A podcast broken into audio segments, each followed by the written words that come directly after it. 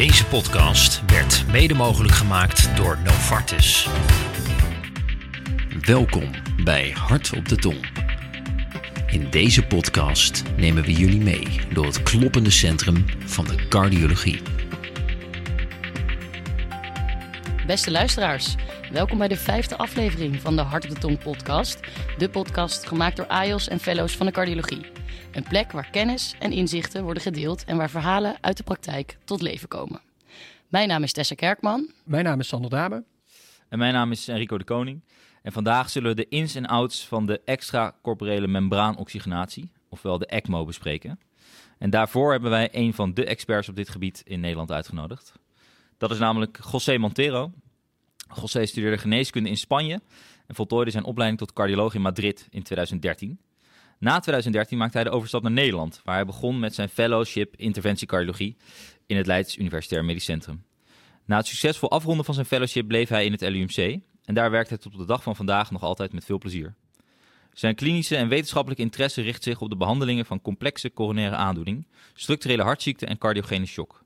Daarnaast is hij mede-coördinator van het Shock ECMO-team van het eh, ELSO Platinum Center. De afgelopen jaren heeft hij zijn opleiding aangevuld met een master in klinisch management en een postdoctorale opleiding in klinisch onderzoek aan de Harvard Medical School. Welkom José, superleuk om vandaag met jou het eh, gesprek aan te gaan. Dank voor de uitnodiging. De podcast van vandaag hebben we opgedeeld in vijf stukken. We beginnen met een introductie waarin we jou beter leren kennen. Uh, daarna gaan we over naar de ECMO en zullen we de indicaties, contra-indicaties, voor- en nadelen van de ECMO uh, met je bespreken. Dan hebben we een kort intermezzo met wat persoonlijke vragen om vervolgens wat te horen over de technische aspecten uh, van de procedure rondom een ECMO. En we zullen afsluiten met de duivelse dilemma's en een take-home message vanuit jou.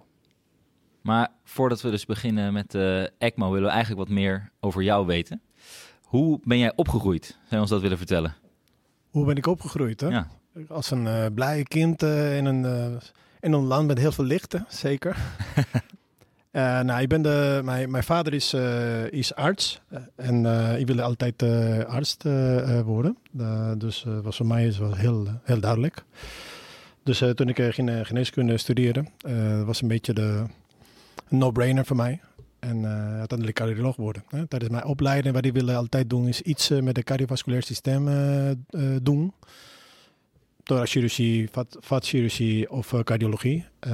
maar ik ben ook afgestudeerd in een periode waar de cardiologie al in, aan het groeien was. Dus ik heb cardiologie als, als specialiteit ook gekozen. een beetje per gewoon, was een logische stap voor mij. Ja. Ja, en misschien nog wel even terug, want we, we nemen nu uh, op uh, half januari, zo'n beetje de donkerste tijd van het jaar in dit Noord-Europese land. Het blijft nog steeds lastig voor mij, na tien jaar. Ja. Uh, ik heb altijd het gevoel dat, wat doe ik hier nog steeds? Waarom als je in Spanje want, kan zijn? Ja, het is, is. Ja, het is, licht is nog steeds een probleem voor mij in, ja. in de winter.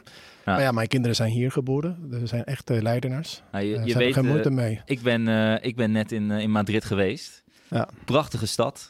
Heerlijk eten. Echt geweldig. Uh, ja, de vraag is dan eigenlijk ook, wat doe je in hemelsnaam in Leiden? Ja, er zijn verschillende factoren, uh, maar de belangrijkste factor is een, uh, is een vrouw. Hè? Dus mijn vrouw kwam hier eerst, zij is ook cardioloog, elektrofysioloog. Um, en zij is een paar jaar ouder dan ik. zij kwam in Leiden voor een, um, met een grant van de EDA. En uh, zij willen wat langer blijven. Dus ik was op dat moment uh, net klaar met mijn opleiding. En uh, ik had het, toch wel het gevoel dat ik naar de buitenland wilde gaan om een beetje mijn wereld wat groter te maken. En ik heb ook de mogelijkheid gehad om hier naartoe te komen. Dat, was, dat, dat, is eigenlijk de belangrijkste reden waarom ik in Leiden ben geland. En waarom je nu een podcast in het Nederlands opmaakt? Het plan was om een jaar te blijven. En nadien waren twee jaar en inmiddels zijn tien achter de rug. Maar ik ben uh, heel erg uh, blij hè, voor de mogelijkheid uh, dat ik heb hier gehad. Ja. En alle mooie plannen dat we hebben hier. en hebben jullie elkaar in Spanje ontmoet of in Nederland? Ja, we zijn allebei in Madrid, in Madrid opgeleid. dus tijdens onze opleiding hebben we kennis met elkaar gemaakt. En zo zijn we hier gearriveerd. Het is een, een mooi verhaal geweest. Liefdesverhaal. Van Madrid ja. naar Leiden. Ja, ja. Maar dat is de belangrijkste reden. Uh, maar ja, het is uh, denk ik altijd interessant, dat zeg ik ook hier aan uh, fellows en, en, assistenten, om een beetje iets naar het buitenlandse ziekenhuis te gaan werken, of te gaan zo'n stage doen. om een andere visie te hebben van, eh, van het wereld. Hè? Eh, we zijn soms heel erg gefocust in eh, onze omgeving. Maar er zijn heel veel eh, mogelijkheden. Hè? Dus, Maar wat is eh, dan het grootste verschil tussen eh, het- jouw werk eh, als cardioloog in Spanje en jouw werk hier? Ja, ik denk dat je als, eh, als persoon wordt anders. Hè? Dus in dat de, je natuurlijk een andere cultuur, andere taal, toch eh, relatief eh, ja, in de buurt. Hè? Want het zijn twee uurtjes eh, vliegen. Maar andere systemen leren kennen, andere mensen, andere manier van werken. Ik vind altijd heel erg positief. Je wordt meer flexibel. jouw wereld wordt breder. En ik denk dat je het alleen maar de posi- een positieve input voor, voor je hebben. Als vanuit een professioneel oogpunt, maar ook vanuit een personeel oogpunt. Dat is mijn persoonlijke visie. Dus eh, ja, aan het eind van mijn opleiding, Madrid is eh, ook een hele mooie stad, maar ook een hele drukke stad. Hè. Er zijn hele drukke ziekenhuizen. Was een beetje klaar mee. dus ik wilde, ik wilde echt eh, een andere Was het harder werken in Spanje? ervaring. Ja hoor, het is een andere manier van werken, andere organisatie, andere cultuur. En wat, wat is dan het verschil als je bijvoorbeeld kijkt naar de opleiding tot, tot cardioloog, als je dat vergelijkt hier in Nederland en met wat je in Spanje hebt Ja. ervaren? Inmiddels ben ik wat ouder, ouder geworden, dus ik heb altijd een romantische idee van het, eh, van het verleden. Dat is een beetje tricky altijd om te vragen. Eh, in Spanje doen we naar de, onze geneeskundestudie doen we zo van nationale examen, dus nationale toets. Waar je moet heel hard, heel hard studeren, dus één jaar. En dan, eh, krijg je zo van nummer. Hè? Dus een nummer één kies eh, ziekenhuis en een specialiteit. Dus uh, vrij, eh, competitie is vrij hoog. En om cardioloog te worden is ook heel lastig. Eh moet je heel hard, eh, hele goede samen eh, doen. Ehm, en het ziekenhuis waar ik, heb, eh, waar, ik- ben opgeleid was een hele drukke ziekenhuis. Dus eh, het niveau van, eh, van de stress was heel hoog. Het was een beetje old school manier van opleiding. Hè. Hier in mijn ervaring die zijn de assistenten goed beschermd, denk ik. Die worden goed geluisterd en goed gerespecteerd. De tijd en de vrije tijd, et cetera. Compensatiedagen. In mijn tijd was, was het niet zo. Hè. Dat is een beetje meer de Navy SEALs eh, training. Hè. Daar heeft de voordelen Heel veel, heel veel onderlinge competitie ook eigenlijk. Dat, dat heel veel eh, dat voordelen en, en nadelen ook. Hè. Dus eh, het is eh, een hele mooie tijd. Hè. Je heel, druk en heel hard. Heel, werken. heel druk en ook eh, psychologisch eh, ook eh, heel, eh, heel hard. Hè. Haken er dan veel meer mensen af in, in Spanje vanwege die psychologische druk bijvoorbeeld? Of- nee, dat is ook een beetje een cultureel ding. Hè. Die denk dat de paar, oude, dus de generatie van, van daarvoor, wij accepteren dat de situatie zo was. Er was geen echt. ik heb nooit iemand gezien die, die is afgestapt van de, van de opleiding, van de cardiologie. En tenminste in mijn tijd, toen ik assistent was. Ik was ook jonger dan, dan de gemiddelde assistent hier in Nederland. Eh, maar ja, het is een andere, andere cultuur, andere manier van werken. Ik zeg niet dat de een is beter dan de andere, maar eh, Gewoon En- en verschillend. we waren Ja, gewoon dan- nul, nul, eh, wat dat betreft. Hè? De compensatiedagen en zo, nee, dat hebben we nooit gedaan. Gewoon heel hard gewerkt. Veel vlieguren. En is dan, is dan eh, dus eh, het best interessant. Dus er is één nationaal examen voor alle geneeskundestudenten Ja, die in heet, Spanje tegelijkertijd? Die heet meer. Hè? Dus als je klaar bent met, met geneeskunde, hè, dan, eh, dan heb je een tijd om, om die toets te voorbereiden. En dan worden jouw, ook, eh, jouw zeg maar, eh, portfolio van geneeskunde ook eh, genomen. Dat is 30% van de totale zeg maar, eh, Cijfer. cijfer en de toets zelf. Hè? Dus eh mijn tijd waren gewoon eh 11.000 mensen hebben een toets gedaan en dan krijg je een nummer. Ja. Dus, en daar staat dan bij veel mensen cardiologie hoog bovenaan. als je Dus als je, cardiologie als je wil daar- doen, moet je gewoon binnen de 500 zijn. Ja, van precies. En- en 11.000. De eerste cardiologie gaat als snelste weg. Heel snel. Ja. En, en dan misschien nog specifieker in Madrid. Ja, nog Dus we moeilijker. kunnen al een beetje invullen eh, dat jij en je Welk vrouw jij een had. beetje aan de, aan de bovenkant van deze score zaten. Ja, Oké, ja, goed gedaan. eh, ja, was eh, goed gedaan. Goed ik had drie cijfers. Hè. Mijn vrouw had twee cijfers. Ah ja, ja, ja, ja, ja, oké. Mijn vrouw was binnen de eerste 100. Ja, inderdaad, ja. Ah, oké. Heel knap, hoor. Heel knap. Ja. Nee, maar het is een ander systeem gewoon. Dus, Ja. Eh, En was het moeilijk om eh, uiteindelijk hier als arts naar Nederland te komen, als cardioloog, en daar alle papieren te regelen en hier aan het werk te gaan? Of hoe is dat eh, Oh, voor jou ja, geweest? tuurlijk. Hè. Dus, het is wel een, traject. Hè.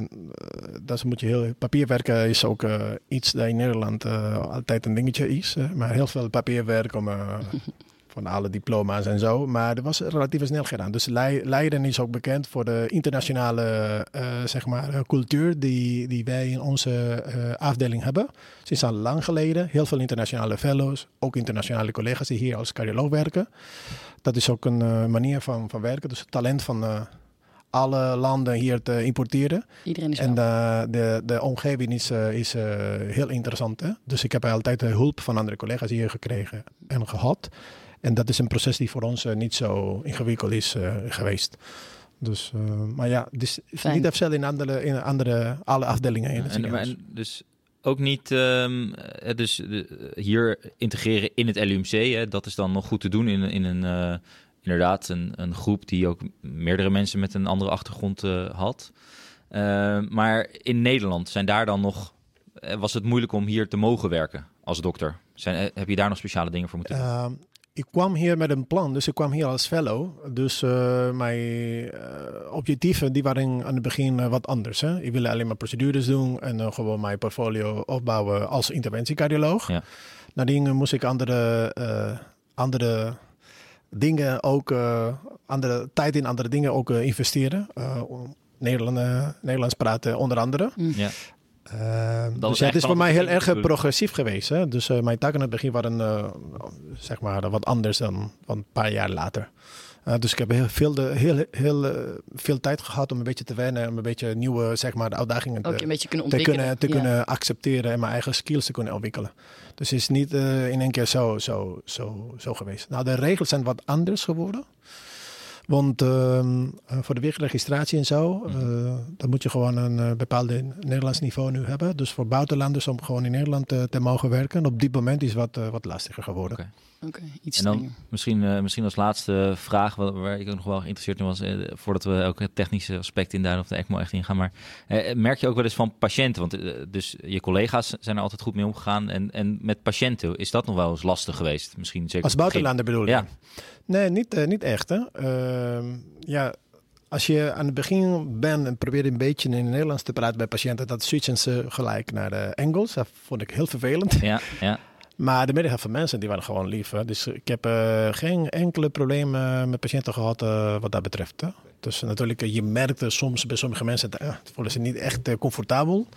Want ze denken dat je niet goed voorbereid bent om een goede service te kunnen aanbieden. Ah, maar ja, het is... eh, Dus het is niet dat je ECMO hebt gekozen omdat je dan niet met mensen hoeft te Nee, praten? nee, nee. Oké. Nee, nee, nee, helemaal niet. Nou, Helemaal niet. Nou, en als we dan wat meer de, de, de diepte met je ingaan, hè, want Enrico die stipt het al aan, de ECMO. Kun je ons uitleggen wat een, eh, wat een VA-ECMO is? En, ehm, en misschien ook het, kort het verschil met VV-ECMO. Want we willen Zeker. het voornamelijk bij het eerste houden, omdat het toch een podcast voor cardiologen is en het dan meer eh, van toepassing is op ons. Nou, wat ECMO, als jullie, als jullie weten, staat eh, voor extra corporeal membrane oxy- oxygenation. Hè? Dat is een zogenaamde ook uh, hartloopmachine. Dus wat het ECMO doet, is een systeem die, die bloed, eh, zeg maar het bloed door een kunstlong pompt. Hè? Dus ehm, die, eh, die, het systeem kan eigenlijk eh, deels van de hart en of de longfunctie ook eh, nemen. Zodat de, hart, het hart en de, en de longen hebben de gelegenheid om, eh, om, af te rusten en te herstellen. Er zijn twee modaliteiten vooral van, van ECMO. Dus de VA-ECMO en de VV-ECMO. VA-ECMO staat voor veno-arterieel. Dus dat betekent dat er wordt bloed van, van een vene van, van de patiënt uitgehaald. Geoxygeneerd in door de membraan en terug naar de patiënt gegeven in een slagader. Dus, en de VV bestaat voor venovenoos. Er wordt bloed uitge uitgehaald van een ader en teruggegeven ook in een ader. Dus een VV, de objectief van de, de, therapie is oxygenatie. Functie van de patiënt overnemen, voor, vooral. En voor VA is zoveel de oxygenatie en de circulatiefunctie van de patiënt overnemen. Er zijn twee aparte modaliteiten met twee verschillende objectieven. En wat zijn in grote lijnen de, de indicaties waar hier de VA-ECMO voor worden ingezet? Nou, VA-ECMO, dus wij kunnen gewoon de functie van het hart en de longen overnemen. Dus dat wordt uh, namelijk uh, gebruikt in patiënten die hebben een circulat circulatoire falen, dus cardiogene shock en een cardiac arrest of een acuut zeg maar hartprobleem, waardoor de, moeten we gewoon tijd hebben om het probleem te kunnen oplossen. Uh, voor VV-ECMO, die zijn met name patiënten die hebben een gestoorde longfunctie, waardoor de oxygenatie niet gegarandeerd kan worden door de beademing of door de zeg maar conventionele therapie. Dus met de VV kunnen we gewoon de functie van de longen overnemen en de tijd geven om het probleem te kunnen oplossen. Ja, en zetten jullie hier de VA-ECMO ook in ja. voor uh, ondersteuning bij procedures, PCI's, moeilijke PT-ablaties? Dus een van de, van, de, van de mooiste dingen van uh, VA-ECMO die ze tegenwoordig, de inbrengen van de ECMO is uh, wat simpeler geworden. Eh, we kunnen alles percutaan doen bij wakkere patiënten. En in uh, 6, 7 minuten, als we haast hebben, kunnen we een ECMO inbrengen bij ons. Maar we kunnen ook patiënten die electief hier komen voor een complexe procedure, waardoor wij verwachten dat de patiënt een circulatoire probleem zou kunnen ontwikkelen, kunnen we preventief een via ECMO inbrengen om de procedure gewoon rustig te kunnen, te kunnen, te kunnen doen. We hebben hier ervaring bijvoorbeeld bij complexe VT-ablaties waardoor de patiënt een MAPI gedaan moet worden tijdens VT. Bij patiënten met een slechte kamerfunctie. Dan doen we preventief een ECMO, doen we samen met de elektrofysiologen, om tijdens de ablatie de functie van het hart over te de circulatie zeg maar, te kunnen garanderen. We nemen de functie van het hart niet echt. Dat is, ECMO, als jullie weten, voor het hart is ook slecht. Maar we kunnen gewoon de circulatie zeg maar, overnemen met de VA ECMO. En na de procedure gewoon de ECMO uithalen op de kastkamer. Ook uh, procedures zoals uh, complexe klepleiden, uh, die ook percutaan behandeld moet worden, kunnen we ook een ECMO doen. Op een complexe PCI kan ook een ECMO ingebracht worden, preventief. En kan ook als bailout ook gebruikt worden. Ja? En, en sluit jullie dan, sorry, sluit jullie hem dan meteen ook aan nadat je de ECMO laat draaien? Of is het alleen het canuleren voor het geval dat er iets misgaat, dat je er dan... Er zijn verschillende strategieën. We hebben ook uh, bij complexe procedures, bijvoorbeeld de complexe PC's, hebben we altijd een plan A, plan B, plan C. Met name bij de complexe casussen. Dus we proberen om alle scenario's van tevoren te, te, te bedenken. En, de, en, we zijn klaar voor de, voor de oorlog altijd. Hè? Worst case scenario, altijd. Dus er zijn patiënten dat wij van tevoren hebben een idee over de anatomie van de vaten. En uh, we weten wat er gedaan kan worden en gedaan moet worden. Uh, wij proberen om alles gewoon percutant te doen bij deze situaties. Dus we zijn volledig afhankelijk van chirurgen, et cetera. We hebben de chirurgen altijd nodig natuurlijk. Als, op het moment dat de ECMO wordt ingebracht en de patiënt gaat naar de ECMO, naar de, met de ECMO naar de IC, dan is een shock ECMO-team betrokken. Waarbij ook een hart- en thoraxchirurg is betrokken en met name de, de intensivisten van de ECMO-intensivisten. Maar uh, wij proberen een beetje met zo'n zo'n alle, met de hele groep, uh, alle scenario's te verwerken van tevoren. En, we en breng je de ECMO dan in op de HCK? Nee, die, dus ja, die ECMO, bij electieve procedures worden ECMO op de kaartkamers ingebracht. Ja, we kunnen een ECMO tegenwoordig een uh, alle kanten van een ziekenhuis inbrengen. Uh, IC, uh, op een afdeling, et cetera. Mm -hmm. Dus afhankelijk van de scenario uiteraard.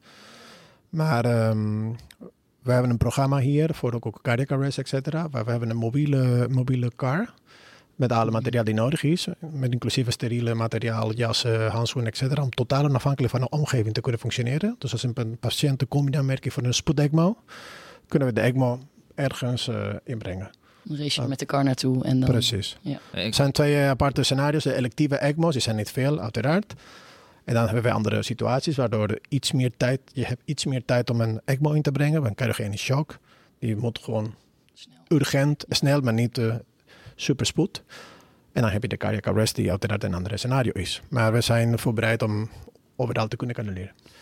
En kun je iets vertellen over de contra-indicaties voor het gebruik van de ECMO? Contra-indicaties zijn natuurlijk, uh, dat moet je dat is het belangrijkste eh, deel van het verhaal. Hè? Want natuurlijk een ECMO is relatief makkelijk om in te brengen. Maar uh, juiste beslissing nemen is, blijft nog een, een, belangrijkste punt. Dat is altijd in teamverband genomen. We hebben een, hele strikte protocollen en hele strikte indicaties om, om te kunnen garanderen dat wij geven de beste kans naar de beste patiënten. Dus toch een kostbare technologie. die patiënten die in de ECMO liggen natuurlijk hebben ook zijn ook eh, belangrijke logistieke aspecten. En de kans van succes die zijn ook heel belangrijk. Natuurlijk rondom ECMO zijn ook heel erg eh, heel veel eh, emotionele zeg maar, beslissingen. Dat moet je gewoon niet doen. Ja? Voor een, uh, het is ook heel lastig om te zeggen, ik doe niks bij deze jongen van 35, die is ergens gevonden. We weten niet uh, wanneer is, uh, is de patiënt gecollabeerd. Het is heel lastig om te zeggen, we doen geen ECMO. Mm -hmm. Want de omgeving... Je wil vaak toch iets doen. Precies. Ja. Ehm, dus we hebben in het verleden wat emotionele beslissingen ook genomen. We hebben heel veel uh, van onze eigen beslissingen ook geleerd. Ja. Um, maar contra-indicaties die zijn vooral afhankelijk van de scenario's. Hè. Maar leeftijd blijft uh, een punt van belang. Hoe hard vind je die contra-indicatie? Ja, dus, uh, ook is lastig, maar leeftijd zo, is altijd ook relatief. Hè? Uh, maar we hebben ook een hele mooie kaartje. Waar we mm -hmm. zeggen bij cardiac arrest, uh, patiënten onder de 50 uh, met de witness arrest, shockbaarheid en uh, geen delay tot massage of delay minder dan vijf minuten, die gaan gelijk voor mm -hmm. ook buiten een ziekenhuis. Uh, buiten de zeg maar uh, goal criteria, out-of-hospital cardiac arrest, we zijn heel erg restrictief. Bij in-hospital cardiac arrest, we zijn wat minder restrictief. Hè? Want normaal gesproken bij in-hospital cardiac arrest heb je toch een, zeg maar, reversibele oorzaak die je kan oplossen.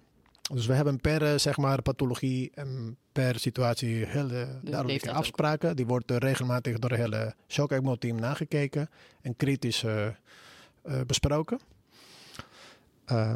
Ja, scenario's zoals hypothermie, et cetera. Dus het komt niet zo vaak voor. Kan je, kan je eens kort noemen dan? Even dus de, de, wat, wat zijn dan de, de grenzen voor out-of-hospital cardiac arrest? Voor out-of-hospital cardiac arrest, als je kijkt naar de resultaten van Inception en onze eigen getallen en de, wat de, uh, de criteria voor de on-scene trial op dit moment zijn.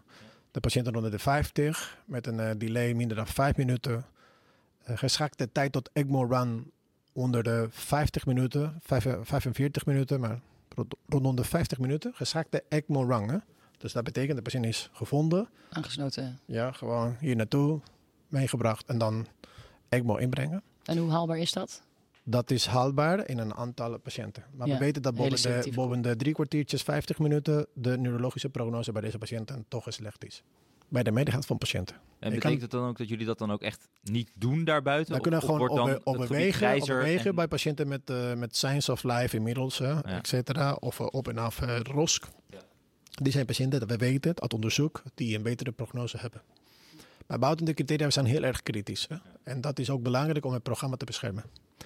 Met name bij uh, cardiac arrest, die blijft nog voor de mensen gewoon het, het belangrijkste indicatie voor ECMO. Dat is niet zo. Ja. En er zijn mensen die toch met een ECMO-programma willen starten met een cardiac arrest. En we weten dat we kunnen, als we het goed doen, kunnen we een van de drie patiënten nog uh, redden. Nou, dat is een hele goede cardiac arrest programma ja. voor ECMO. Hè? Dus en dan ben je dus al heel streng je uh, Dan moet je gewoon de, zeg maar, de stress en de emoties rondom het programma die zijn altijd hoog. Ja. Maar ja, we moeten gewoon met het team dezelfde pagina staan. En andere contraindicaties uiteraard anatomisch. Bekende forse, zeg maar, perifere vatlijden. Of uh, andere pathologieën met sombere prognose die bekend zijn. Zoals uh, ja, uh, oncologische problemen, terminale haarfalen. Nou, de logische dingen. ernstige AOI, dus hartklep-insufficiëntie. Dat is een relatief contraindicatie, maar goed, die zijn de, de belangrijke dingen, onafhankelijk van de, zeg maar, de grote lijnen per pathologie. Ja. En qua, dus we hebben het over contraindicaties en uh, complicaties, de meest voorkomende complicaties, zou je die eens kunnen beschrijven? Er zijn verschillende typen van complicaties. Uh, complicaties die direct met het canulatieproces zijn gerelateerd, die zijn er wel, dat moeten we, uh, dat moeten we kennen. Je moet ook gewoon comfortabel uh, zijn om een complicatie te herkennen en de complicatie snel te kunnen oplossen. Maar de meeste van complicaties zijn wel op te lossen. En met name moet je gewoon weten wat de complicaties zijn om een complicatie te voorkomen. Dus wij, geven hier een cursus voor de secundcanulatoren eigenlijk. Drie keer per jaar in het ziekenhuis. Om zoveel mensen, of zoveel mogelijk tweede canulatoren in het ziekenhuis te kunnen hebben. Stel dat wij komen hier ergens in de neurologie afdeling om een patiënt te canuleren. En we hebben niemand die ons kan helpen. Dus we hebben heel veel mensen hier getraind om als secundcanulator te, te mogen werken. Assistenten van de cardiologie, anesthesisten, intensivisten, etc. Zowel we willen gewoon iemand hebben als ons die ons kan helpen. Dat is hartstikke mooi. Dat heeft uh, ons uh, programma enorm uh, geholpen. En we, we geven ook een praatje over hoe kan je een complicatie identificeren. Er zijn verschillende typen. Dat je, kan, je hebt de, kan het vat niet vinden. Heb je de, niet de juiste vat geprikt heb je twee keer een kanule ingebruikt en uh, twee venen bijvoorbeeld. Of heb je toch een perforatie gedaan? Heb je een kink van het draag gehad? Etcetera. Ja, dus, uh, en je zegt het is snel op te lossen tijdens de procedure. Precies. Als je, je kan gewoon herkent. een potentiële complicatie voorkomen als je herkent hè, wat het probleem is. Mm -hmm. En natuurlijk kan je ook een bloeding hebben. Je kan ook, ja, je kan de patiënt, misschien kan je patiënt toch niet canuleren. Dat is een complicatie. Hè, die heeft te maken met training en ervaring. En soms ook bij de patiëntanatomie zelf. Wij proberen om eh, bij alle patiënten echo-geleide eh, puncties te doen. dat, dat kan de hele processen onwijs beter maken en dan voorkom je heel veel problemen. Je kan ook een decanulatie hebben. Dus wij trainen alle mensen zeg maar, om de belangrijkste complicaties tijdens de canulatieproces te voorkomen. Het is wel te doen. En daarna? Nadien komen heel veel andere boel van ja. complicatietypen. Ja die zijn meer technisch. Hè? Die, op de patiënt op de IC ligt, dan heb je andere typen van complicaties uiteraard. Hè? Maar uh, het, begin, het, verhaal begint op het moment dat je, dat je ECMO in. Het is een hele lange traject. Ja, dus je zegt uh, de, de complicaties zijn dus wat, nou, wat het grootste is bloedingscomplicaties vanwege eigenlijk het niet goed canuleren, wat het uiteraard Dus kan voorkomen. Canulatie-gerelateerde spoedsituatie. problemen. En Ja. dan heb je bloeding. En dan heb je ook een decanulatie bijvoorbeeld in de acute Ja. fase. Ja, en daarbij kan helpen dus Of vaten- goed getrainde personeel Ja. en eh, eventueel echo geleid die eh canules aanprikken. Ja, dus ik denk dat de medegaan van dingen zijn wel te trainen. Het probleem is dat de expositie is nog is beperkt. Eh, we spreken over een aantal patiënten per jaar. Die is niet massaal. Het is niet zoals een PCI te doen. Dus je kan gewoon prima iemand aan, eh, la- laten trainen om PCI's te doen op een relatief hoog niveau. Maar voor ECMO is het belangrijk. Maar je moet toch een service, een 24-7 service aanbieden om bepaalde programma's te kunnen draaien. En dat gaat echt niet lukken. Ja. Dus er zijn verschillende zeg maar, eh, eh, theorieën hier. Hoe moet je dat regelen? Dus je kan gewoon in twee mensen alles concentreren. Oké. Dan, moet je altijd twee, dienst. dan moet je gewoon twee gekke mensen dan vinden. Die gek genoeg zijn om... Wie wil dat doen? Ja. Dat heb ik ook gedaan. Een paar jaar, een aantal toch? Ja. In Madrid doen ze dat, toch? Nee, ja, nou, aan het begin wel heb ik het hier zo gedaan. Maar eh, uiteindelijk heb je jouw collega's nodig. Hè? Je had Dus- een beetje een deel van de work-life balance van Madrid heel even meegenomen. Maar inmiddels toch weer naar de Iets Nederlandse. enthousiast. Ja, ja, ja. Maar eh, bepaalde programma's moet je gewoon iets extra geven om, om het programma te laten draaien. Anders gaat het niet lukken. Maar hebben jullie nu ook... mensen, mensen hebben altijd een beetje weerstand tegen nieuwe dingen. Dat is gewoon menselijk. Hè? Met name, dit is zo'n enorme logistieke zeg maar, eh, uitdaging. Mhm. Dit is een beetje lastig. Dus we hebben aan het begin eh, alles een beetje geconcentreerd in een relatief klein aantal mensen. Maar nadien hebben we alle mensen gewoon getraind als tweede canulatoren, dan een eerste canulatoren onder, super, eh, onder supervisie. En tegenwoordig alle interventiecardiologen in het ziekenhuis kunnen gewoon prima onafhankelijk en ECMO's eh, doen. Van Dus alle, heeft de alle typen van. cardioloog dan ook dienst voor de ECMO? Of wie heeft er... Nee, of zijn dat doen eigenlijk onze eh, eigen cardiologie, interventiecardiologie dienst. Ehm, de rol van interventiecardioloog, met name hier bij ons in Leiden, is wat anders geworden.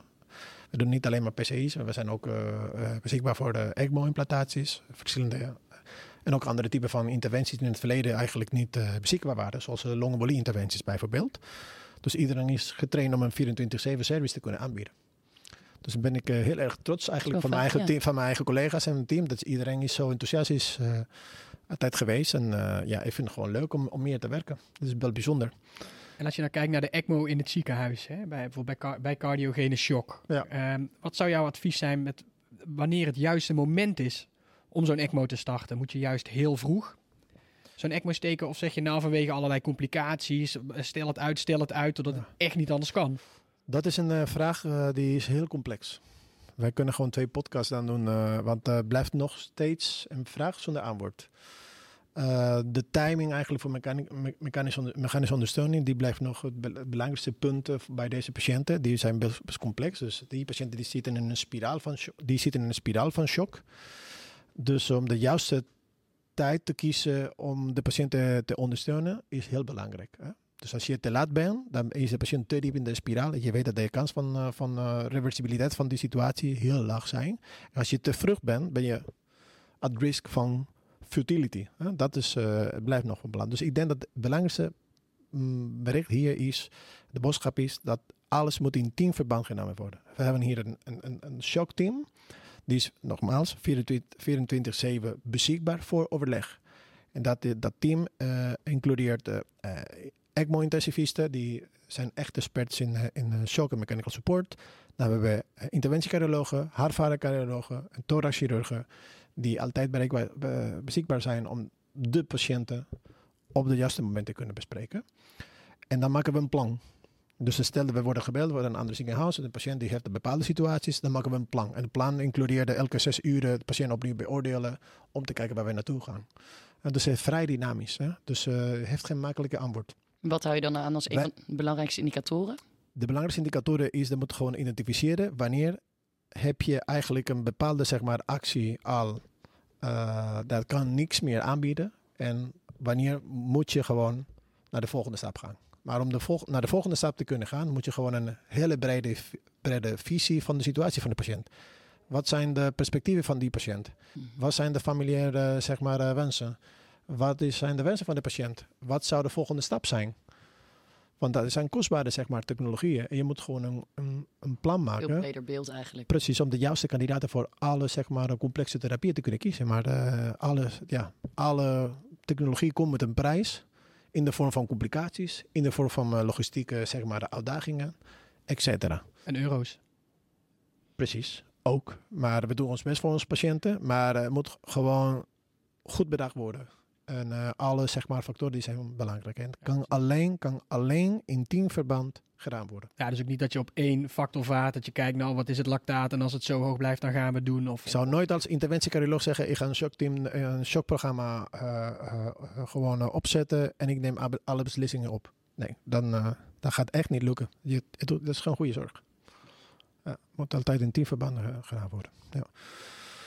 En we hadden dat, net... is onze, dat is onze visie, tenminste hier in de LMC. We hadden het net al eventjes over de gebruik van de ECMO, hè, bij complexe PCI's bijvoorbeeld. Um, hoe zie je dat in de toekomst? Wat denk je daarvan? Uh, gaan we dat meer gebruiken? Uh, ik denk dat binnen de interventiecardiologie wel, uh, wordt een populair zeg maar, de technologie. De ECMO die is, een, die, die is alle bij ons al lang geleden. de eerste ECMO is van de jaren 70 of zo. maar natuurlijk met die zeg maar enthousiasme van alle mensen. De ECMO is toch wel een brug naar een uh, andere scenario, toch? Of is toch een tijdelijke, zeg maar, uh, systeem om, om jou te helpen. de interventiecardiologie wereld is vrij dynamisch. dus er komen nieuwe, zeg maar, interventies, elke techniek, et elke jaar. Dus ik denk dat met de ECMO hebben we de mogelijkheid om een stapje verder te gaan. En ik zie dat zijn heel veel, heel veel interventiecardiologen nu heel veel interesse hebben. Uh, maar nogmaals, en dat is ook mijn perspectief, er is hier andere collega's die zijn net begonnen in andere landen en zo. Dan, uh, dan mis ik toch wel de team spirit uh, van zo'n programma. Die is vrij, vrij, vrij demanding. dan moet je gewoon, het is niet alleen maar een tool dat je kan toch wel doen, maar het is toch wel een, een, deur dat je openmaakt voor, naar een andere scenario voor de patiënt. Maar ik denk dat het gaat, de aantal procedures gaat alleen maar groeien. Uh, en ik denk dat uh, als, ik zie, als ik zie hoeveel cursussen worden nu op dit moment aangeboden en hoeveel mensen toch wel nu interesse hebben, mm -hmm. en dan gaat het alleen maar groeien. Ja, dus we hebben het nu inderdaad heel veel gehad over de ECMO echt in het ziekenhuis, dus bij welke patiënten. Um, maar bij oude hospital cardiac arrest, nou, hebben we ook heel eventjes kort aangestipt. Er is natuurlijk veel over te doen. Um, en uh, we hebben het ook al een beetje gehad over wat jij dan vindt van de indicatiestellingen. Um, jij was zelf een van de auteurs van de Inception Trial, hè, de resultaten. Ja. Zou je die, uh, die studie kort willen toelichten en zijn resultaten misschien heel eventjes... Ja, de Inception is... Een, je eigen uh, conclusie misschien. Misschien is die anders dan wat er in de laatste zin staat van, de, van het stuk, maar... Wij moeten een hele grote compliment geven aan collega's uit uh, Maastricht. Die hebben de studie opgezet. En een echte prachtige, zeg maar, studie uh, vanuit een conceptueel oogpunt, uh, die is heel moeilijk om te doen. Heel moeilijk. Ja, absoluut. En ze hebben echt uh, zo'n initiatief genomen om zo'n studie op te zetten in een Nederlandse omgeving. Het is dus echt een grote compliment. Als we kijken naar de studie die zijn, die was op zich goed bedacht. dus de juiste patiënten met hospital cardiac arrest. Met bepaalde criteria, die zijn net de criteria dat we hebben net besproken. randomiseren naar conventionele reanimatie zonder ECMO of uh, ECMO-reanimatie, ECPR. En dan kijken we naar neurologische uitkomsten met name. Nou, de resultaten zijn, als jullie al weten, gewoon neutraal geweest. Er is heel veel discussie binnen de ECMO-wereld uh, over bepaalde aspecten van de studie. Met name over de discrepantie tussen centra qua tijd betreft. Bepaalde centra hadden dan gemiddelde tijd tot ECMO-run boven de 70 minuten. andere centra wat, wat, wat vroeger. Dat is een beetje heterogeniciteit wat betreft de uh, ECMO-programma's toch binnen Nederland. Er zijn programma's die, waarbij de chirurgen betrokken zijn om de ECMO in te brengen.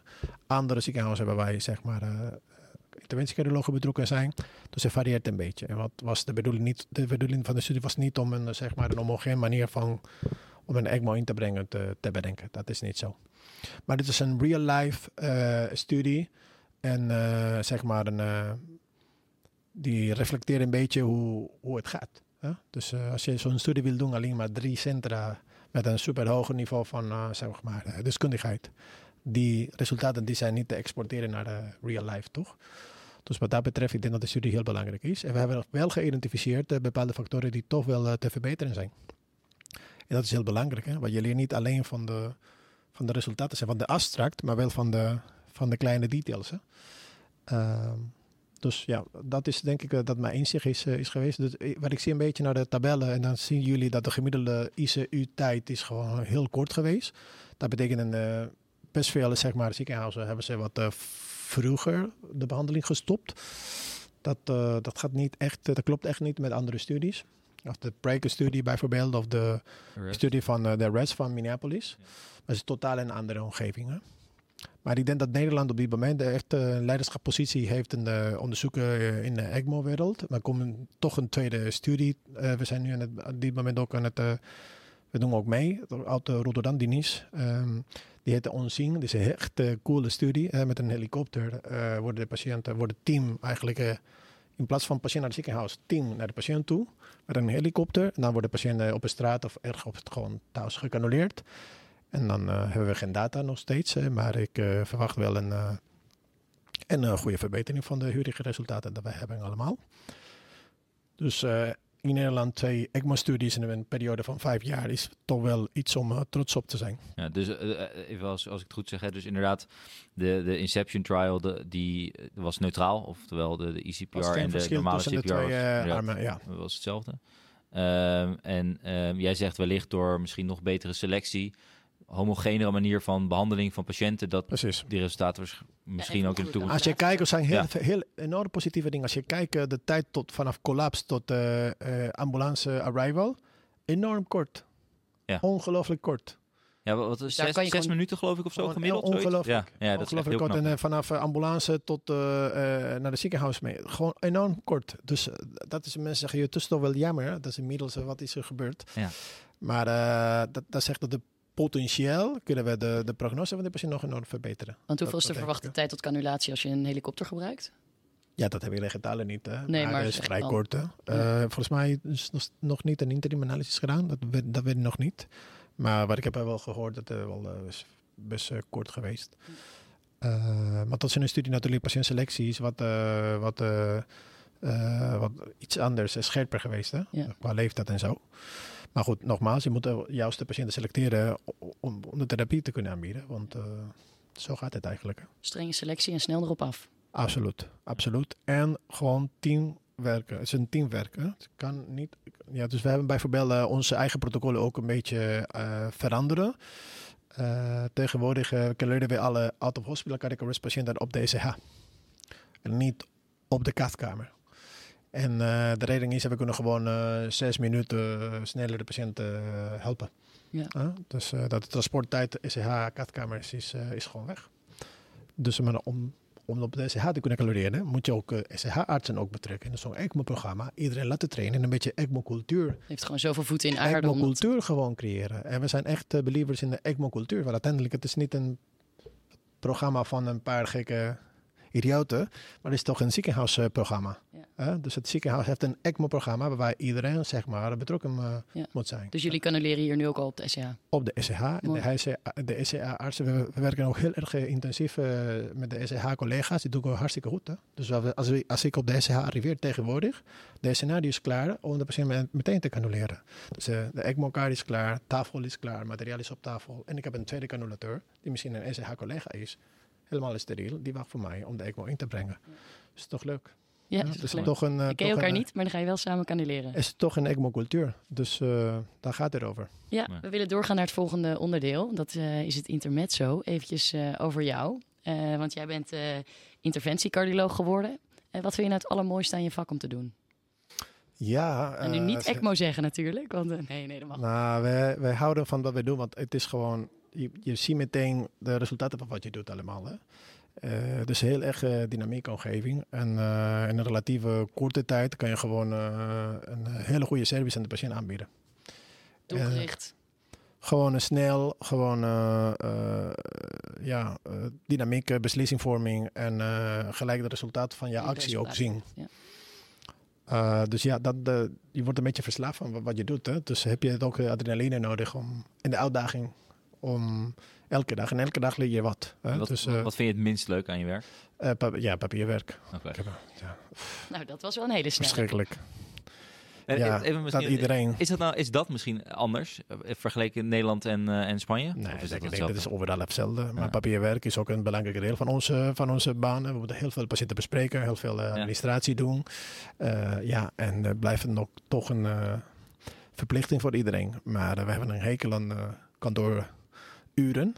die toch wel nodig zijn. Ja, Daar ben je geen dokter voor geworden. Op papierwerk in te vullen. Nee. absoluut. Maar eh, En nog een, nog een, nog een heel, ander, eh, heel ander ding. Je vrouw is dus ook cardioloog hier Ja. in, het, eh, in, het, in het ziekenhuis. En een beetje vraag ook uit persoonlijke interesse. Hoe, hoe weet je dat te combineren met, met een jong gezin en, en zo'n druk bestaan als interventiecardioloog? Maar ja, persoonlijk, ik zie vooral voordelen.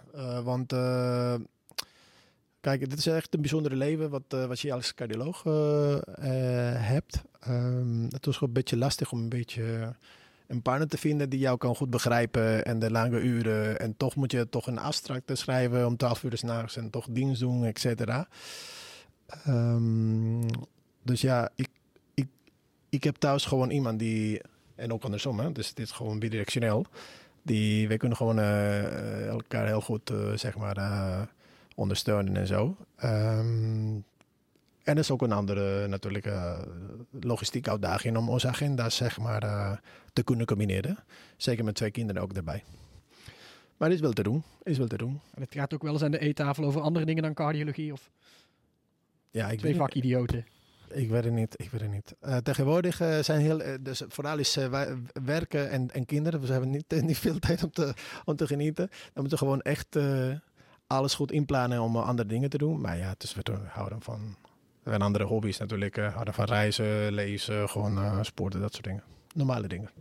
En waar gaan jullie naartoe reizen? Gaan jullie een reis maken in de toekomst? Of nou, de kinderen hebben wel een leeftijd om, om wat, wat naar andere landen en zo te gaan. Uh, er zijn zeven en drie, dus we zijn eigenlijk kort geleden naar Jordanië gegaan. Oh, mooi. Dus ja, het is wel leuk.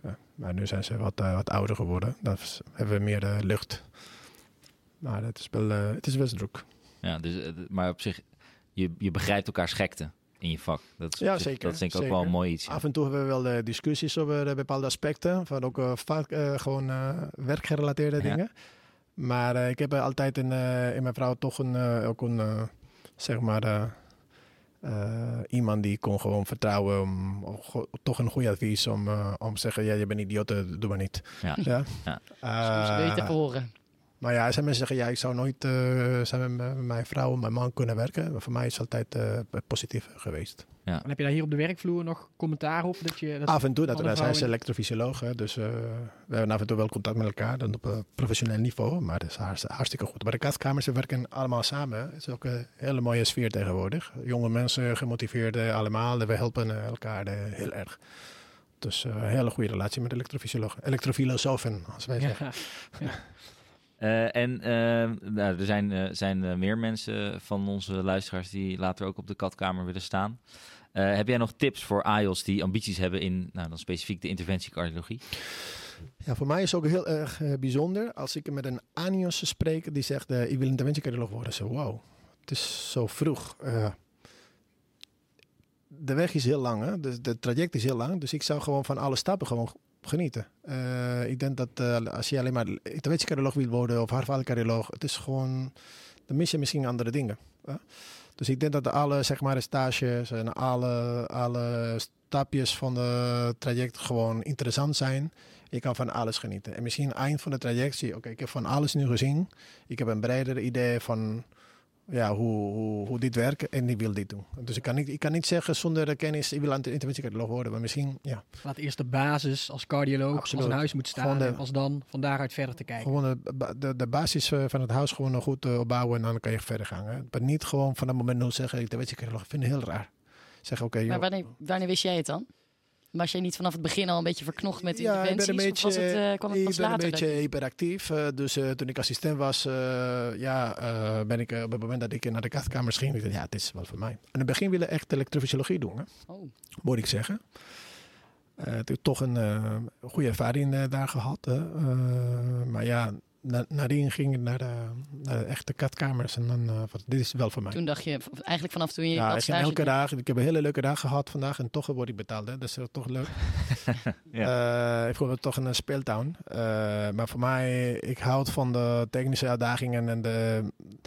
Ja, ik weet het niet. Maar ik wist dat het voor mij was. Ehm, dus ja, het is zo van... eh, mm, ja, iedereen is anders natuurlijk. Hè? Dus eh, het ligt een beetje aan de persoon. Maar voor mij was het een combinatie van, eh, zeg maar, de eh, scientific aspect van het verhaal en de technische aspecten. Dat vond ik wel perfect voor mij. Mooi, mooi. Nou, dan sla je echt perfect de brug naar het technisch aspect van de ECMO. Ja. Daar wilden we het graag ook nog eventjes over hebben. Ehm, zou je misschien even kort de, de stappen willen uitleggen hoe zo'n ECMO-plaatsing nou gaat? En dan begint het dus misschien ehm, bij een patiënt, eh, laten we zeggen, nou ja, die je net op de SCH eh, Ja. noemde.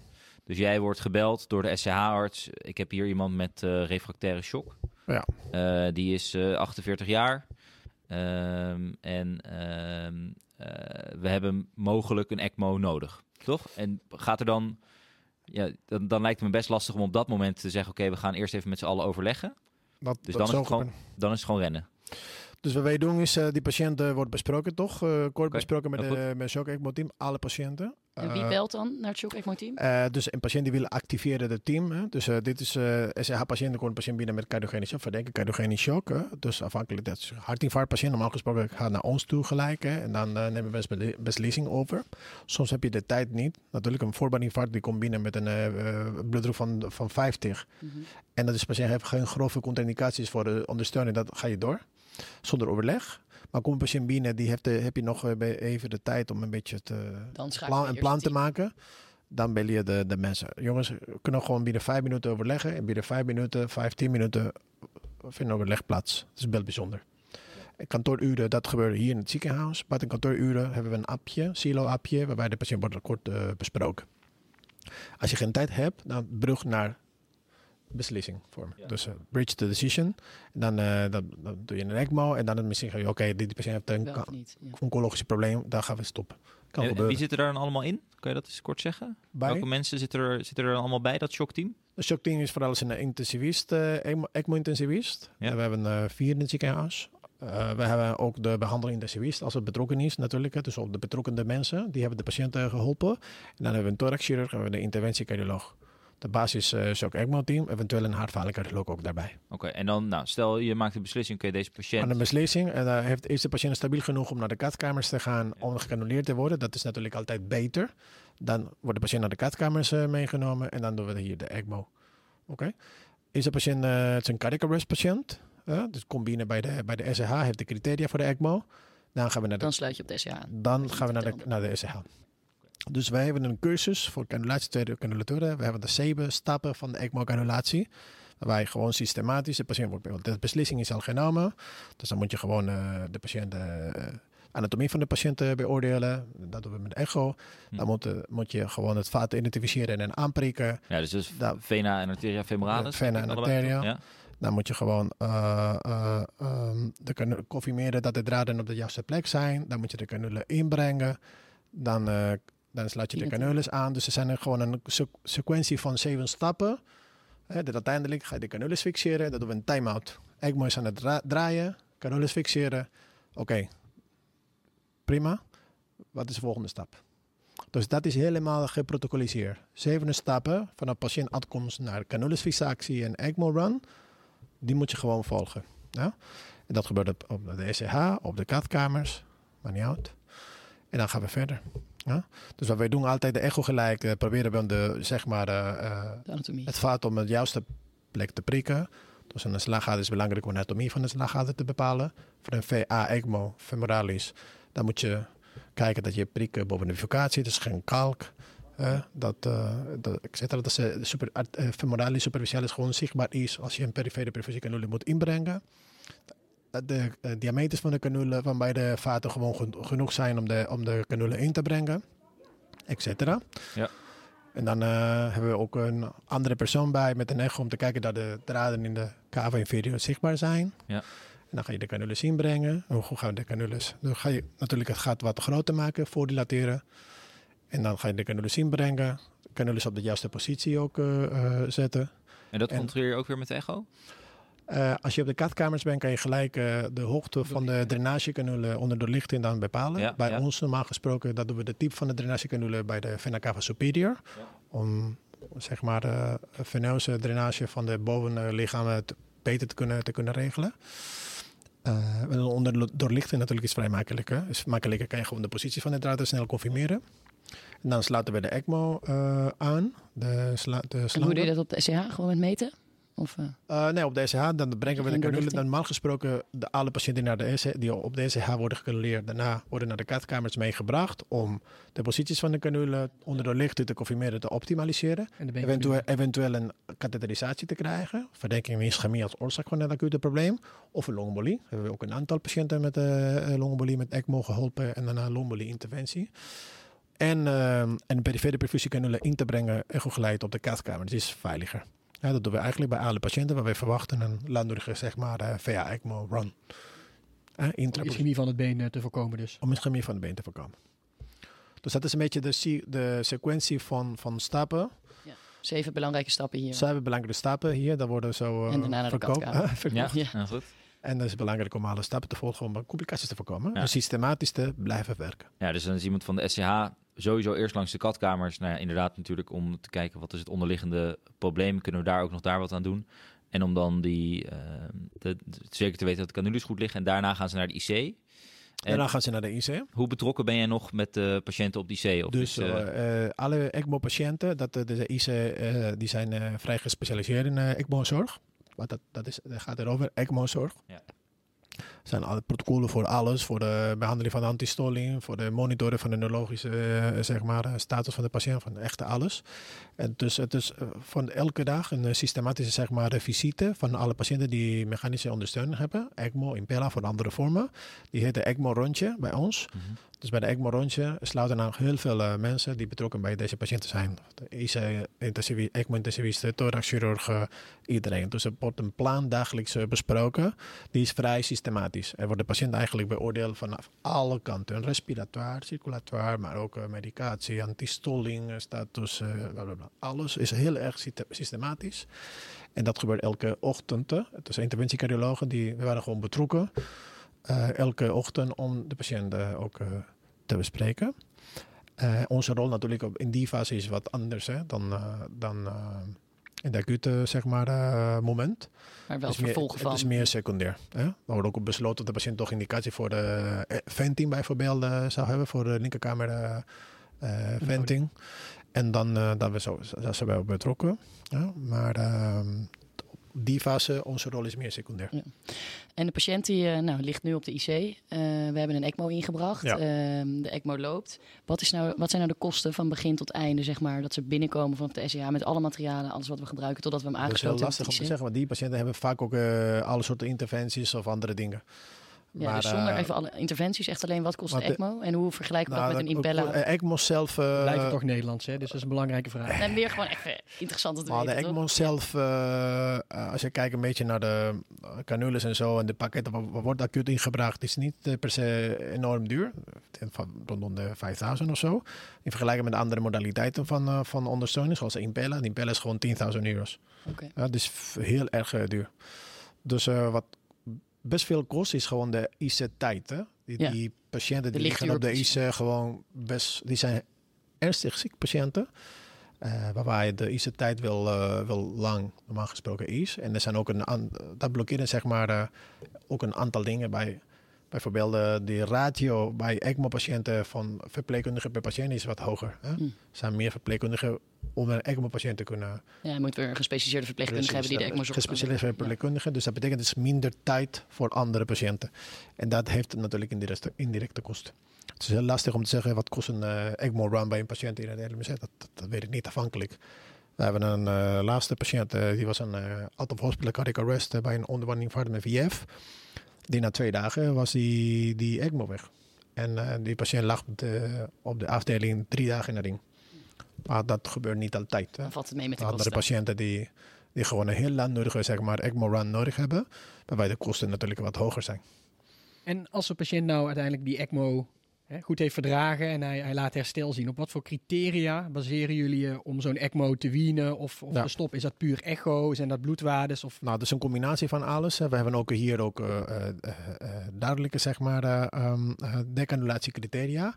Waarbij de klinische, maar ook hemodynamische, biochemische en eh, echografische aspecten worden bij elkaar genomen.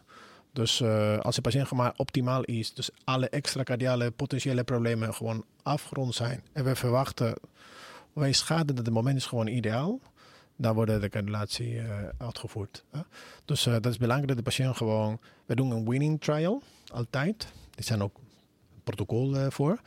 Wordt De ECMO wordt teruggedraaid. hè. We wachten nog een beetje. We kijken naar wat de hemodynamische, echografische, klinische en ook biochemische respons. Hè. En als de winning trial geslaagd is, dan gaan we de patiënt cannuleren. En, en eh, ja, wellicht als, als, als tip voor de, voor de AIOS die dan in, het, in, het, eh, in de academische centra met de Ja. ECMO te of in de centra met, eh, met ECMO's te maken hebben. waar kijken dan met de echo naar? Ja, ik de het echo kijken naar de natuurlijk op het moment dat de BTI, maar Precies, de ejectiefractie. We kijken of de, wat de, de, de, de prestatie van beide kamers. We kijken naar de VTI altijd, heel belangrijk. En we kijken naar de, de rechterkamerfunctie en zo. Eh, en dan kijken we, superbelangrijk, om eh, de circulatie, zeg maar, parameters. Er was ook- ook een eh, lactaat ook genomen. En de hemodynamische respons eh, naar het terugdraaien van de ECMO.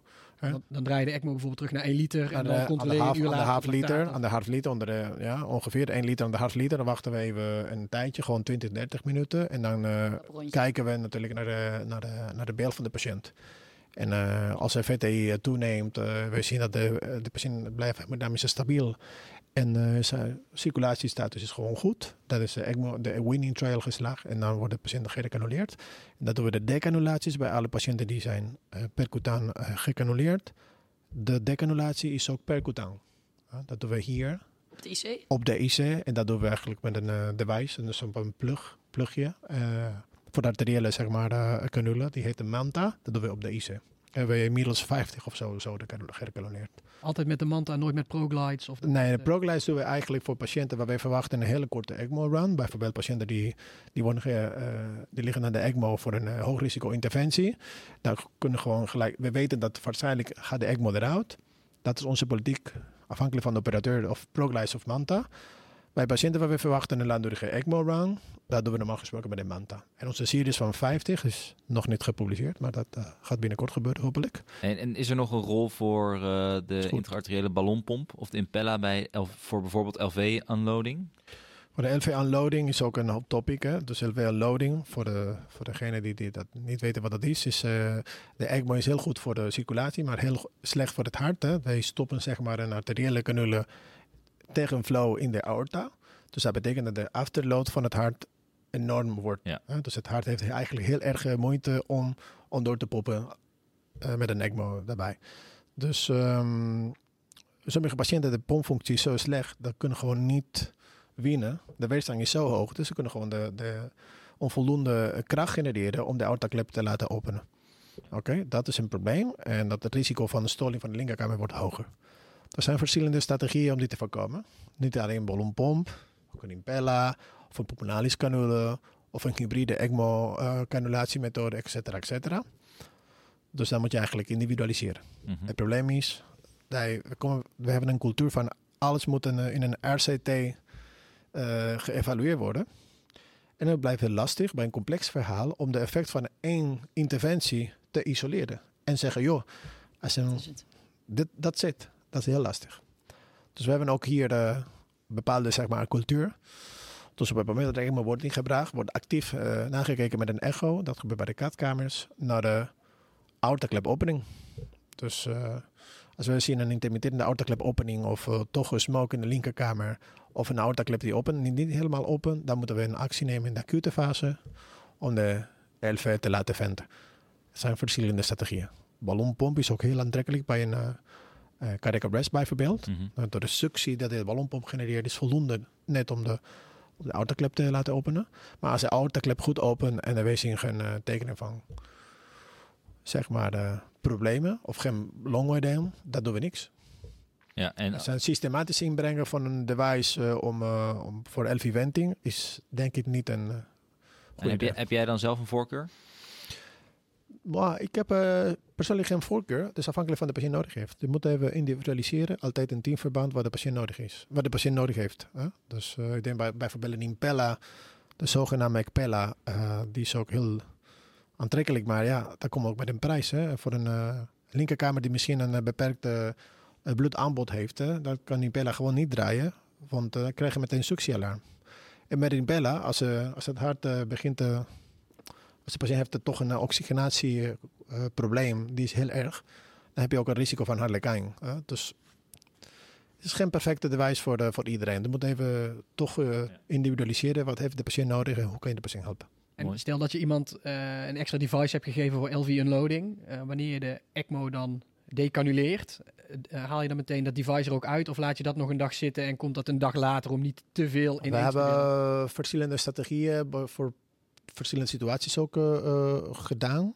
Dus het- dat is een van de dingen. Dus je kan ook zeggen, ja, eh, ik heb een puur linkerkamerprobleem. In het begin is de patiënt met een ECMO. dus een winning trial is onsuccesvol. Maar die wil eigenlijk de ECMO eruit halen voor verschillende redenen. Dus je kan ook overbruggen met een zeg maar andere type van device om, te, om meer tijd te geven aan de linkerkamer te verbeteren bijvoorbeeld. Dus dat kan je misschien met een Impella doen. We hebben ook hier een patiënt, de winning trial onsuccesvol, maar de patiënt was nog steeds eh, vrij, vrij onstabiel. Dus we hebben bijvoorbeeld een Impella 5, chirurgisch ingebracht via de Suclavia, om de linkerkamer te laten ondersteunen. Wat een langere zeg maar, eh, run van de support, zodat de patiënt kon, kon bewegen en wat andere. Dus nogmaals moet je individuali- individualiseren en in teamverband aan de beslissingen nemen. Het is geen perfecte zeg maar, regel. Blijft iedere keer terugkomen, hè? Gewoon met elke patiënt kijken. blijft anders. Daarom vind ik het zo lastig om alleen maar één interventie in een RCT te laten, te laten, te laten testen en te Ja. laten analyseren. Is het ook, ja. Maar shock, eh, dat, is even, dat is het eh, probleem. Welke hiaten zijn er op dit moment nog in, jouw eh, in jouw vakgebied? En wat gaan we, wat gaan we hier aan doen om, de, om ze op te lossen? Wat kunnen we verwachten van toekomstige trials? Ja, denk dat eh, tenminste op Nederlandse niveau van eh, verschillende groepen is ook een eh, enorm enthousiasme om eh, hoogkwaliteit eh, data-analyse te, te kunnen doen. Ik ben een, echt een believer in registry-based studies. Dus er zijn een aantal collega's uit Amsterdam, Rotterdam die heel erg mee bezig zijn om, eh, Om hoogkwaliteit eh, data van shockpatiënten retrospectief te gaan analyseren van alle ziekenhuizen die, die interesse hebben in eh, complexe eh, shockverhalen en mechanical support. Dus ik denk dat we gaan enorm veel leren van, van elkaar met eh hoogkwaliteit eh, eh, registry eh, data. Dat denk ik dat de toekomst is om, om systematisch eh, naar eh, onze eigen zeg maar, eh, onze eigen data eh, te kijken. dagen te- data te kijken. En wat zou je dan mee, het liefst willen leren? Uh, ja, van alles. Hè. Van, uh, vanaf antistollingen-strategieën naar uh, elfe-venting-strategieën, et cetera. Um, en dat moet eigenlijk met, met, met, met zo'n gedaan worden. Dus ik denk dat we hebben niet het volume om onafhankelijk van andere ziekenhuizen zeg maar, hoogkwaliteit data te kunnen genereren. Dat moet gewoon met zo'n ALE gedaan worden. En we hebben in Nederland een unieke zeg maar, omgeving om, om, zo, om, om zo te kunnen doen. Uh, dus er zijn een, paar, een aantal groepen die enorm enthousiast uh, zijn. En uh, ja, we gaan even kijken. Inmiddels hebben we de Onshine trial is in het lopen. Um, dus ook een echte coole studie. Wat verwacht je daarvan? Ja, ik weet het niet. Hopelijk wordt uh, goed resultaat. Hopelijk. Hè? Want uh, we weten dat met ICPR kan je toch, toch veel, veel mensen redden. En ik ben een beetje bang dat een negatieve studie natuurlijk zo'n programma zou, zou kunnen vermoorden. Uh, daarom moeten we echt uh, selectief uh, blijven en kritiek blijven van alles wat wij doen allemaal. Want we moeten onze zeg maar, de techniek ook een beetje beschermen. Ja. En de, de juiste kandidaten selecteren. Ja, heel dus, mooi. Ja, en zijn inderdaad, die, die onzien studie spannend. is echt, echt, echt een hele mooie echt studie. cool. Ja, Echt cool. ik- ik- Aan iedereen die er eventueel in geïnteresseerd is, eh, om het heel even te, te googlen en de website te kijken, want die is ook echt gelikt. Ik weet niet eh, of je daar ook een handje in hebt gehad, met, eh, maar dat ziet er ook prachtig uit. En wanneer, wanneer ga jij voor het eerst op de helikopter, denk je? Of ben je al geweest? Nee, nee, nee, nee, nee. Dat is Ja, niet voor mij. doe je Ik word mee in de word- helikopter, Ik word, ja. ik word misselijk. Ah, oké, helaas. nee, dat is niet voor mij. Dat is niet voor mij. De Helikoptermisselijkheid. collega die helikopter, de, de HEMS, die doen echt een prachtige, prachtige... Mooi, mooi. Oké, helaas, dus niet op de helikopter. Nee. Duivelse dilemma's. Dan eh, sluiten we altijd ons, eh, ons stuk af met een aantal eh, duivelse dilemma's. Waar we je twee, twee opties geven. En daar mag je dan snel tussen kiezen. En daarna een, een korte, korte uitleg. En de eerste waar ik mee wilde beginnen was Lego Star Wars of Lego City. Poef, eh, Sta- Star Wars, eh, Star Wars altijd. Al, altijd Star Wars. En je favoriet? Eh, ja, ik zou niet weten. Uh, gaan we Boba Fett gaan? Hè? Nou, Oké, heel goed, heel goed. En als echte Madrileen, Real Madrid of Atleti? dat is, eh, de, de antwoord is heel duidelijk, joh. Dat is geen serieuze vraag, toch? Nee, wel? De Real Madrid. Oké, nou dan iets moeilijker. Raúl of Ronaldo? Ronaldo altijd. En Raúl is... En welke? eh, welke Ronaldo? De dikke Ronaldo? Of Ja. de, of de Ah, andere? ik bedoelde de dunne Ronaldo. Ja, ik zou... Maar Raoul als echte Madrileñ? Vanuit een emotioneel oogpunt, eh, misschien is, ik zou ik eh, Raúl kiezen. Want alles wat hij betekende. Maar eh, qua prestatie, ja, Cristiano is de beste speler ooit bij ons geweest. Maar Raúl is ook een stuk van de, van de t-shirt. Hè? Mhm. Nou, zijn moeilijke vragen hoor. Ja. Maar Is dit- tussen is dit ook tussen je- Real en Atleticus gaan... eh, Ben je ook dokter geworden om dan, om dan je hele carrière in het witte te mogen rondlopen? ja, dat is een, Ja, dat is het. Ja, het is Stiekem een, elegant, is een elegante kleur. hè? ja, ja, ja. Dat is de Hertog- royale kleur. precies, zo is het. Eh, de hertog van Alva of Willem van Oranje? Eh, Ja, die is moeilijk. nee, het is... ja, ik weet het niet. Ik heb mijn, mijn kinderen die zijn gewoon Nederlanders. Hoe, wat kan ik zeggen? Ja, Dan moet je Willem van Oranje zeggen. Ja, ik wou het zeggen. ja eh, 3 oktober ga ik altijd met vakantie. Hè, dus ik blijf niet in Leiden. Oh, toch wel. Dus je vlucht wel met Leid tot Zet. Ja. Maar wat zeg je, Willem van Oranje, hoor ik dat?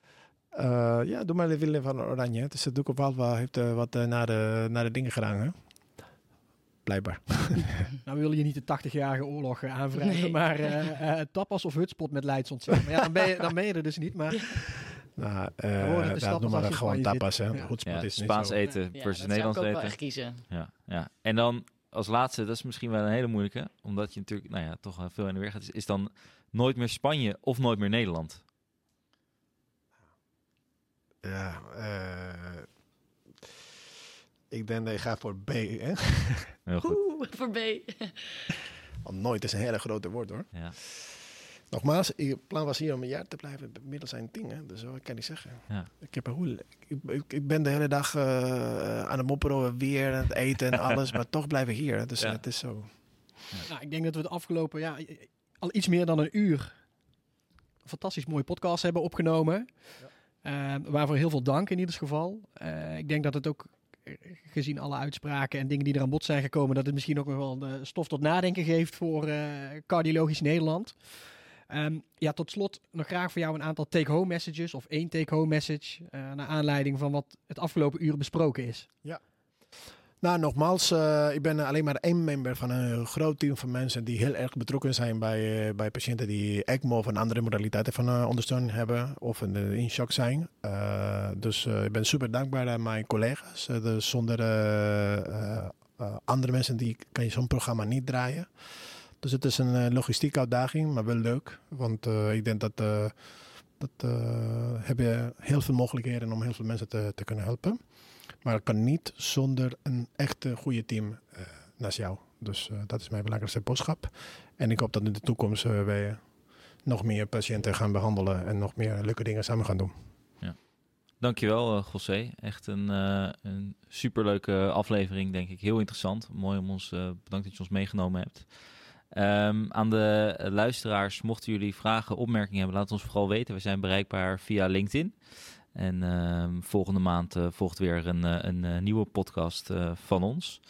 Ehm, en dan eh, wilde ik met jouw goedkeuring deze podcast afsluiten met het clublied van eh, Real Madrid. Ja, dat Ja? goed, heel goed. Oké. Ja, Dankjewel.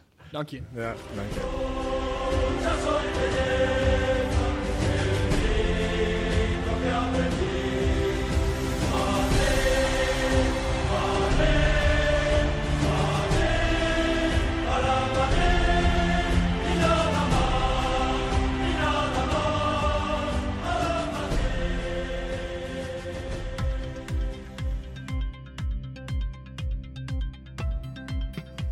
Dit was Hart op de Tong. Dank voor het luisteren en graag tot de volgende aflevering.